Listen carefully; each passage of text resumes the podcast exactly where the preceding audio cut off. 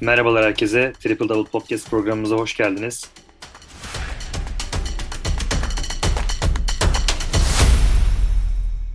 Ee, bu bölümde yine ilginç bir konuyu masaya yatıracağız Mustafa ile. Merhaba Mustafa. Merhaba Ahmet. NBA tarihinin şampiyonluk kazanamayan yıldız isimlerini konuşacağız. Ee, çok çarpıcı isimler var gerçekten. Ee, bazıları için dönemsel şanssızlıklar varken bazılarına ise sakatlıklar engel olmuş. İlk olarak Charles Barkley ile başlayalım istersen Mustafa. NBA tarihinin en büyük e, pasörlerinden biriydi e, Barkley sayı ve asist konusunda uzmandı kendisi gerçekten.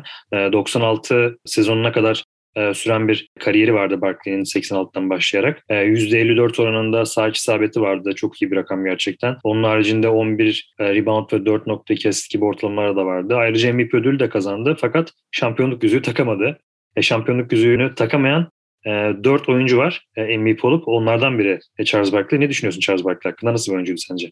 Ya aslında Charles Barkley'nin tabii ki o döneme yetişemedim. Keşke yetişip izleyebilseydim. Sonradan böyle maç kayıtlarını, uzun maç kayıtlarını bulduğum 90'lar dönemindeki takım takım maçlara bakmaya imkanım olduğunda izlediğimde Charles Barkley'nin şöyle bir etkisi vardı. Çok saldırgan, öfkeli bir oyunu olmasının yanında da takım arkadaşlarına çok gazlayan bir oyuncuydu. Yani ee, onun hareketliliği, onun durdurak bilmeyen hiperaktif hali de takım arkadaşlarını büyük bir şekilde etkiliyordu. Bu Sixers döneminde de böyleydi. Sixers'la beraber şampiyonluğa gidemeyince Phoenix Suns'taki o yapılanmayla beraber orada kendini buldu ama orada da maalesef ve maalesef gene majestelerine takıldı.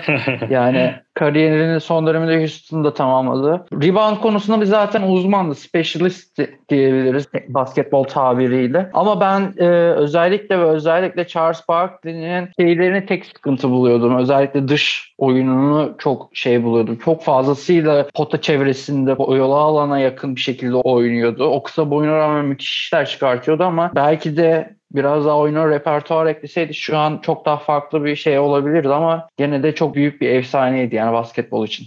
Evet ama tabii şanssızlığı majesteleriydi diyerekten e, iki ya kişiyi o... şimdi değerlendireceğim. Karl Malone ve John Stockton. E, onlar da yine e, şanssız isimlerden. Bu iki kişi beraber değerlendirelim istiyorum ama. E, NBA tarihinde Karim Abdul-Jabbar'dan sonra en çok sayı atan iki oyuncu. ikinci oyuncu biliyorsun e, Karl Malone. E, Utah Jazz ve Lakers e, formalarını giydi. E, başarılı sezonlar geçirdi gerçekten orada ama yüzük takamadı talihsizlik sebebiyle. Postacıydı lakabı da. E, John Stockton ise nadir görülen bir şekilde tüm kariyerini tek bir takımda geçiren oyunculardan. Şimdi bunu pek göremiyoruz e, oyuncularda. NBA tarihinin de en iyi savunmacılarından biriydi e, John Stockton. E, Utah'ı Carmelo ile iki kez e, finallere taşıdılar ama ikisinde de şanssızlıkları Michael Jordan'la Chicago Bulls'tu. Bu nedenle şampiyonluk yüzüğünü kazanamadılar. Carmelo ve John Stockton'ı beraber değerlendirelim istersen.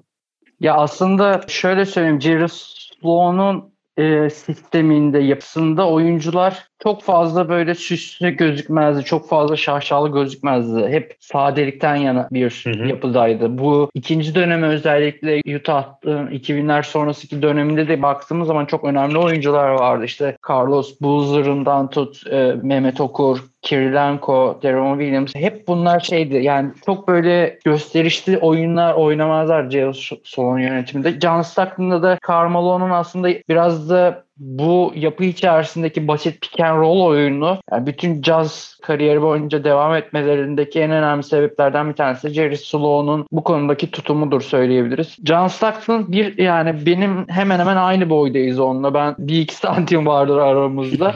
Ama ona rağmen en önemli savunmacılardan bir tanesi, kısa savunmacılardan bir tanesiydi. Yani bugün bu boyda birinin böyle bir savunmacı olmasını beklemek gerçekten imkansız. Hakikaten çok o dönem bir de en vahşi bir e, NBA dönemi olmasına rağmen John Stockton sahada çok kişiyi canından bezdiriyordu. Dennis Rodman hatta kendisi e, en sevmediği oyunculardan bir tanesi olduğunu söylemiş John Stockton. Hiç beklemenize alınlara dirseğine vurur. Çoğu şey yapabilecek bir oyuncuydu ama hep geri planda kalmayı seviyordu. 9 defa asist şampiyonu olmuş birinden bahsediyoruz. 15 bin asist yapmış kariyeri boyunca. Gerçekten inanılmaz. Bir de Gonzaga tarihindeki en önemli oyuncu. Gonzaga. Üniversitesi çıkışlı en önemli oyunculardan bir tanesi. Hakikaten yani çok şahsına münasır bir isim. Carmelo da ben şeyi çok seviyorum. Aslında bu dönem Carmelo'na mesela biraz da dış oyun entegre edilse Carmelo çok bugün de çok büyük bir etki yaratabilirdi. Yani bugün oynasa çünkü hakikaten fiziği, atletizmi, o gücüyle beraber yani hem savunmada hem hücumda çok rakibe kabus gibi çökebilirdi. Ciddi anlamda hani o pota çevresi bitiriciliğiyle beraber o boyalı alana hükmedişiyle beraber özeldi. Zaten o dönemin uzun oyuncuları da çok güçlü oyunculardı. Bunların arasından sıyrılıp böyle bir noktaya ulaşması hakikaten büyük takdir hak ediyor. Ama tabii ki de majestelerinin onların da kabusu, ikisinin de kabusu majesteleri oldu. Yani hakikaten baktığımız zaman majestenin etkisi vardı. Bir de şöyle bir şey söyleyeyim. Utah'ın şampiyon olmasındaki bence en önemli etkilerden bir tanesi Carmelo ve John Stockton tamamlayacak bir ya da ikinci iki oyuncu yoktu. Yani Hornacek'i falan da çektiler ama hiçbir şekilde fayda olamadı. O yüzden e, sıkıntıları vardı. Baktığımız zaman Chicago'nun o dönemde yani majesteleri Scottie Pippen, Dennis Rodman haricinde önemli oyuncular vardı. Steve Kerr olsun, Longley olsun, Tony Kukoc olsun takım Kukoc. çok daha yelpazesi genişti. O yüzden bir yandan da bence şampiyon olamadılar. Sıradaki isim e, Allen Iverson. E, her zaman bir süperstar olarak aklımıza kazandı AI, The Answer. E, ancak 2001'de NBA finaline Sixers'ı taşıyıp şampiyon olamaması hayal kırıklığı yaratmıştı hepimizde. Bir dönem ülkemizde Beşiktaş forması da giymişti Allen Iverson. NBA tarihinde ayrı bir yere sahip. O da şampiyonluk yüzüğü kazanamayanlardan. Ya aslında çok Allen Iverson özel şahsına münasır bir oyuncuydu. Hakikaten yani saha içerisinde yaptıkları, saha dışındaki stili, imajı, konuşmaları, hayat stili olsun birçok anlamda bir kırılım yarattı Allen Iverson. Ama tabii eğer ki şampiyon olmak istiyorsanız çok özel bir yapı içerisinde olması gerekiyordu. Fakat Allen Iverson bu anti-hero, anti-kahraman tavırları ve saha içerisindeki başına buyrukluğu sebebiyle biraz da o yapıyı bozan bir hali vardı. Tekil anlamda çok özel bir oyuncuydu ama hakikaten takım başarısına katkılarından ziyade zaman zaman zararları da oluyordu. Yani e, şampiyon olamasında Lakers'la olan finallerini 4-1'lik seride bile fark ediliyordu aslında. Yani Allen Iverson tek başına oynamaya çalışıyordu ama ne kadar Kobe Bryant da Shaquille O'Neal da olsa bir yapı vardı orada. Yani Phil Jackson hı hı. orada bir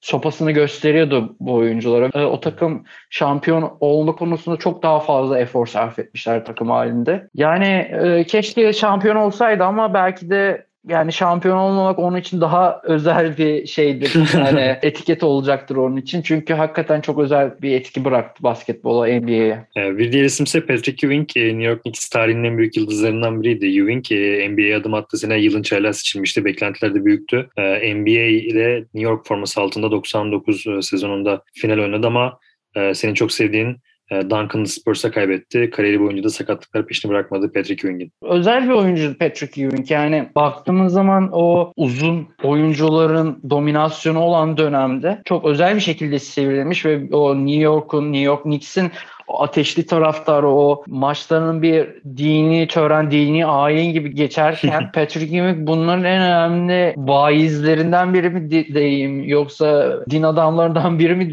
diyeyim bilmiyorum ama çok hakikaten çok özel bir oyuncuydu. 90'lardaki doğu takımlarını o güçlü doğu takımlarının arasında New York'u taşıyan bir oyuncuydu Patrick Ewing.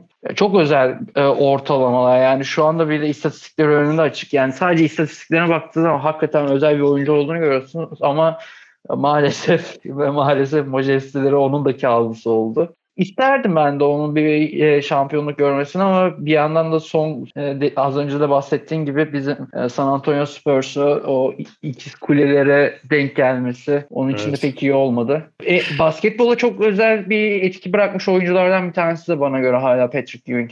Bir diğer isimse Tracy McGrady. NBA'in e, yüzük takamamış e, en önemli yeteneklerinden biri. E, biz onu tabii daha çok 35 saniyede 13 sayı mucizesiyle tanıyoruz. 7 kere All-Star oldu. 7 kere en iyi 5'e seçildi. 2 kere de sayı krallığı var T-Mac'in. O da sakatlıkların kurbanı. Ewing gibi biraz aslında. Erkenden parkelere veda etti. Evet ya aslında ben şey gözüyle bakıyordum biraz T-Mac'in o sakatlığa teşne olması ben hatırlıyorum böyle ilkokul ortaokuldayken T-Mac'in o prime dönemleri başlamıştı liseye geçtiğimde Houston'daydı. Yani olursa dedim Houston'da şampiyon olacak ama hakikaten o dönemdeki şanssızlıklar olsun şeyler olsun ulaşamadı. Ya bu sağlık sorunları çok büyük etki oldu onda ya. Hakikaten yani istikrarlı biçimde ilerlemesine ve onu gösterecek, ona güvenecek, onun etrafına yapı kurulabilecek bir duruma da gelmedi. O projeksiyon da oluşmadı. Daha çok hani acaba olabilir miyiz takımlarında biraz daha boy gösterdiği için ilerleme kaydedemedi ama bugün bile sahada olsa prime dönemindeki ya da önemli bir performans gösterdiği dönemdeki şeyini, yapısını aldığımız zaman Tracy McGrady çok büyük fark yaratırdı bugün sahaya atsak. Keşke biraz daha fazla onu izleyebilseydik. Daha çok sakatlık problemi yaşamasaydı. Ama işte şanssızlık biraz da onun kariyerini böyle şekilde inşa etti. E, şimdi ise çok hırçın story konuşacağız. E, çok sıkıntılar çıkartmıştı Michael Jordan'a. E, Reggie Miller, basketbol tarihinin en iyi şutörlerinden biri dediğim gibi. Kariyeri boyunca sadece Indiana Pacers'ta forma giymişti Reggie. Özellikle üçlük atışlarıyla nam salmış bir oyuncuydu. Pacers ile sadece bir kez NBA finallerinde oynama şansını yakaladı. Beş kere de All-Star seçildi. Fakat tüm başarılarına rağmen NBA şampiyonluk yüzüğünü de takamayan unutulmaz oyunculardan biriydi Reggie Miller. Ya Reggie Miller aslında baktığımız zaman öyle aman aman bir oyun yapısı yoktu. Yani çünkü çok topla haşır neşir bir oyuncu değildi baktığımız zaman. Ve hani kendi yapısı içerisinde aslında kendini geliştirebileceği en iyi noktada geliştirip dış oyunun en önemli oyuncusu olması ona çok daha büyük bir seviye atlattı. Baktığımız zaman hani kariyeri boyunca 5 defa All-Star oldu baktığımız zaman. Hı hı. Çok büyük bir kariyer. 17-18 sezonluk bir kariyer oynadı ve bu e, kariyer içerisinde aslında bu kadar e, kısıtlı yetenekler olmasına rağmen böyle özel bir şekilde bir kariyer inşa etmesi de hakikaten büyük bir başarı. Çünkü topla yapabilecekleri kısıtlı. Belli başlı oyuncuları pozisyonel anlamda savunabilen, fazlasıyla top üretimi de olmadığı için belli başlı şeyleri de yapma konusunda çok sıkıntı yaşayan. Kariyerinde 3 orta, asist ortalaması var yani baktığımız zaman bu kadar eksiğe rağmen böyle bir kariyer inşa etmesi hakikaten büyük bir başarı. O yüzden o da çok e, güzel bir etki bıraktı basketbola ama yani dediğim gibi normalde zaten kendisi çok kısıtlı bir yeteneğe sahip olmasına rağmen böyle bir şey inşa etmesi hakikaten çok büyük başarı örneğidir bana göre. Konuşacağımız son isim ise Steve Nash. E, Steve Nash de MVP olup yüzük takamayanlardan biri. E, yıllarca Sansa hizmet ederken Nash Lakers formasıyla da şampiyonluğun eşiğinden döndü. Ne düşünüyorsun e, Steve Nash hakkında? Steve Nash'in geçtiğimiz günlerde de hep Mike D'Antoni ile beraber belli başlı söyledikleri şeyler var ki zaten Mike D'Antoni şu anda Brooklyn'de Steve Nash'in yardımcısı olarak şey yapıyor. Keşke ona biraz daha fazla şut atma özgürlüğü verseydim diye. Çünkü yani Steve Nash hem skorerdi yani all around bir skorerdi ama bir yandan da topu çok iyi yönlendiriyor. Topa çok büyük, önemli bir şekilde hükmediyordu. Özellikle ikinci Phoenix Suns döneminde e, Dallas'tan ayrılıp Phoenix Suns'a geçtiği dönemde takımı oynatabilme yetisine çok iyi kazanmıştı. Çünkü bir o dönemde de şöyle bir kıstas vardı guardlar kısalar hakkında. 26-27 yaşına gelince işte oyunu yönlendirebilme, oyunu okuma, oyunu yönlendirme hatta oyunu bükebilme özelliklerini kazanması konusunda. Çünkü hakikaten takımın aklı oluyorsun sahada. Ve bunun için de oyuncuların biraz daha olgunlaşmasına bakılıyordu o dönem. Güneş bunu işte ikinci Phoenix Suns döneminde fazlasıyla gösterdi. Yani o takımla Mike D'Antoni'nin sisteminde çok daha iyi olabilecekken hatta ilkel bir Golden State Warriors gibi oynuyorlardı. Golden State'in hanedanlığının oy, e, oyununun saha içerisindeki oyununun bir, bir ilkel versiyonunu oynuyorlardı Phoenix Suns'ta. İşte fakat işte San Antonio Lakers onlar için çok büyük sıkıntılar yarattılar. Ve bugünlerde de o pişmanlıklarını da keşke daha fazla serbest bir oyuna yönelseydik diye konuşuyorlar ama Steve Nash'in bence yarattığı etki hem skorer hem top yönlendirme anlamında çok özel bir kısaydı, özel bir oyun kurucuydu. Bu anlamda aslında ona da bir yüzük yakışırdı. Ee, çok teşekkürler yorumların için Mustafa. Ee, keyifli bir yayın oldu yine. Bugün NBA tarihinin şampiyonluk kazanamayan yıldız isimlerini konuştuk. Bir sonraki yayında yeniden görüşmek üzere. Kendinize iyi bakın, hoşçakalın. Hoşçakalın.